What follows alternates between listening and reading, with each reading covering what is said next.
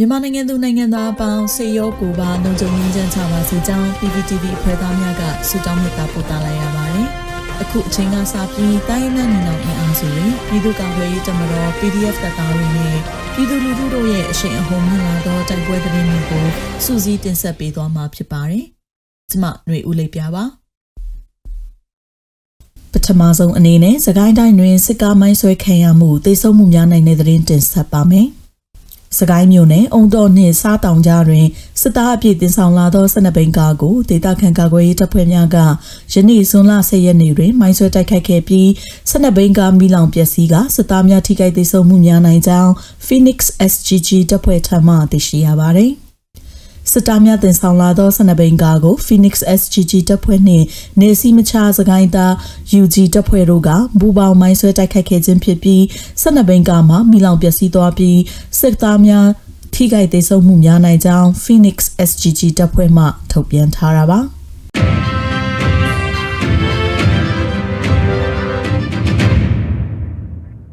မြင်းကျန်တိုက်ပွဲမှာစစ်ကောင်စီလေးဦးသေဆုံးတဲ့တဲ့ရင်ဆက်လက်တင်ဆက်မှာပါ။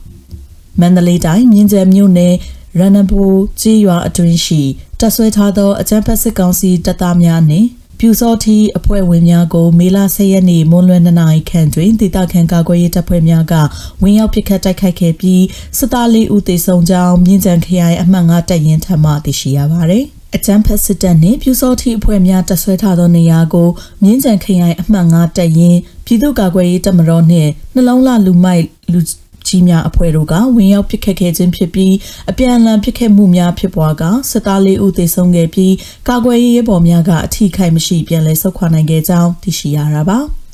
အလားတူဇွန်လ9ရက်နေ့နနက်8:20မိနစ်အချိန်မြင်းကြံမြို့နယ်ကိုင်းကျေးရွာတွင် အခြေချတပ်ဆွဲထားသောစစ်တပ်သည်ကားဖြင့်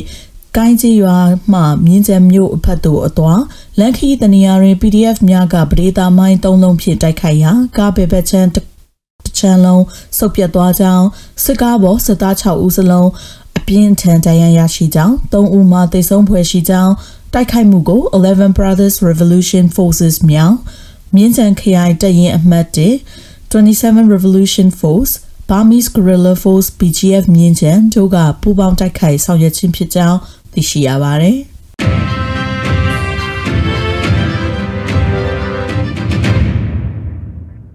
ဆက်လက်ပြီးမတူပီတွင်စစ်ကောင်စီတပ်မိုင်းဆွဲတိုက်ခိုက်ခံရမှု16ဦးထပ်မံတေဆုံးပြီး10ဦးတန်ရာပြင်ထတဲ့တဲ့တင်ဆက်မှာပါ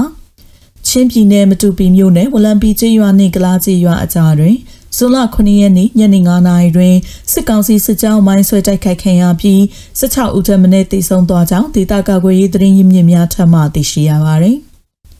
ဇွန်လ9ရက်နေ့ညနေ9:00နာရီအချိန်ချင်းပြည်နယ်တောင်ပိုင်းမတူပီမြို့နယ်ဝလံပီကျေးရွာနှင့်ကလာကျေးရွာအကြားချီတက်လာသောစစ်ကြောင်းကိုပဒေသာမိုင်းသုံးလုံးဆွဲပြီးတိုက်ခိုက်ရာစစ်သား16ဦးထပ်မံတေဆုံးနိုင်ကြောင်း10ဦးထပ်မံခြေပြက်လက်ပြက်ဖြစ်သွားကြောင်းသိရှိရပါတယ်ရှင်။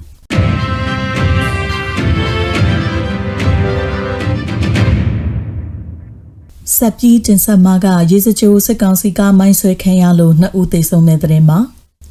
မကွေးတိုင်းရေစကြိုမြို့နယ်ကြီးကန်ကျေးရွာအနီးတွင်အကြမ်းဖက်စစ်သားများနှင့်ပြူစောတိများလိုက်ပါလာသော Hijet အမျိုးအစားမော်တော်ယာဉ်ကိုယနေ့ဇွန်လ17ရက်နနက်9နာရီခန့်တွင်ဒေသကာကွယ်ရေးတပ်ဖွဲ့များကမိုင်းဆွဲတိုက်ခိုက်ခဲ့ရာစစ်ကောင်စီတပ်ဖွဲ့ဝင်2ဦးသေဆုံးကြောင်းသိရရှိပါသည်စစ်ကောင်စီတပ်ဖွဲ့ဝင်9ဦးလိုက်ပါလာသောအဆိုပါ Hijet ကားကိုဒေသကာကွယ်ရေးတပ်ဖွဲ့များကရေစကြိုပခုတ်ကူကားလန် ကြီးကံရွာအနီးတွင် မိုင်းခွဲခဲ့ခြင်းဖြစ်ပြီးနှစ်ဦးသေဆုံးကကြံ၅ဦးမှလည်းဒဏ်ရာရရှိကြောင်းရေစကြို PDF ကသတင်းထုတ်ပြန်ပါတယ်။အဆိုပါတိုက်ခိုက်မှုကိုရေစကြို PDF Northern ရေစကြို NYSO ပျောက်ကြားတပ်မြိုင် Rural Guerrilla Force Steel Hawk တမနီသိန်းငှက် PDF မြိုင် Township စသည့်မဟာမိတ်လေးဖွဲ့ကပူးပေါင်းလှုပ်ဆောင်ခဲ့ခြင်းဖြစ်ကြောင်းသိရှိရပါတယ်။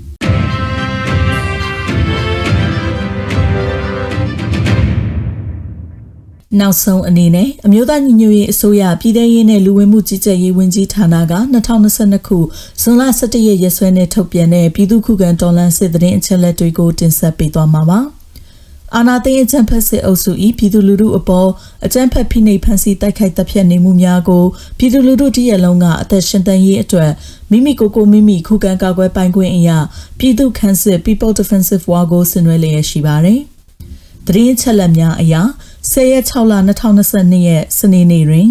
စစ်ကောင်စီတပ်ဖွဲ့ဝင်29ဦးသေဆုံးပြီးထိခိုက်ဒဏ်ရာရရှိသူ36ဦးအထိခုခံတိုက်ခိုက်နိုင်ခဲ့ပါတယ်။စစ်အာဏာရှင်စနစ်မြမမြေပေါ်မှအပြည့်တိုင်ချုပ်ငြိမ်းရေးနဲ့ Federal Democracy တည်ဆောက်ရေးအတွက်ငြိမ်းချမ်းစွာဆန္ဒပြသည့်လူထုတပိတ်တိုက်ပွဲများကပြည်내နဲ့တိုင်းဒေသကြီးများမှာဖြစ်ပွားပေါ်ပေါက်လျက်ရှိပါတယ်။မြေပြင်မှာယခုတွေ့ရတဲ့သတင်းအချက်အလက်များထက်ပို၍ဖြစ်ပွားနိုင်ပါတယ်ရှင်။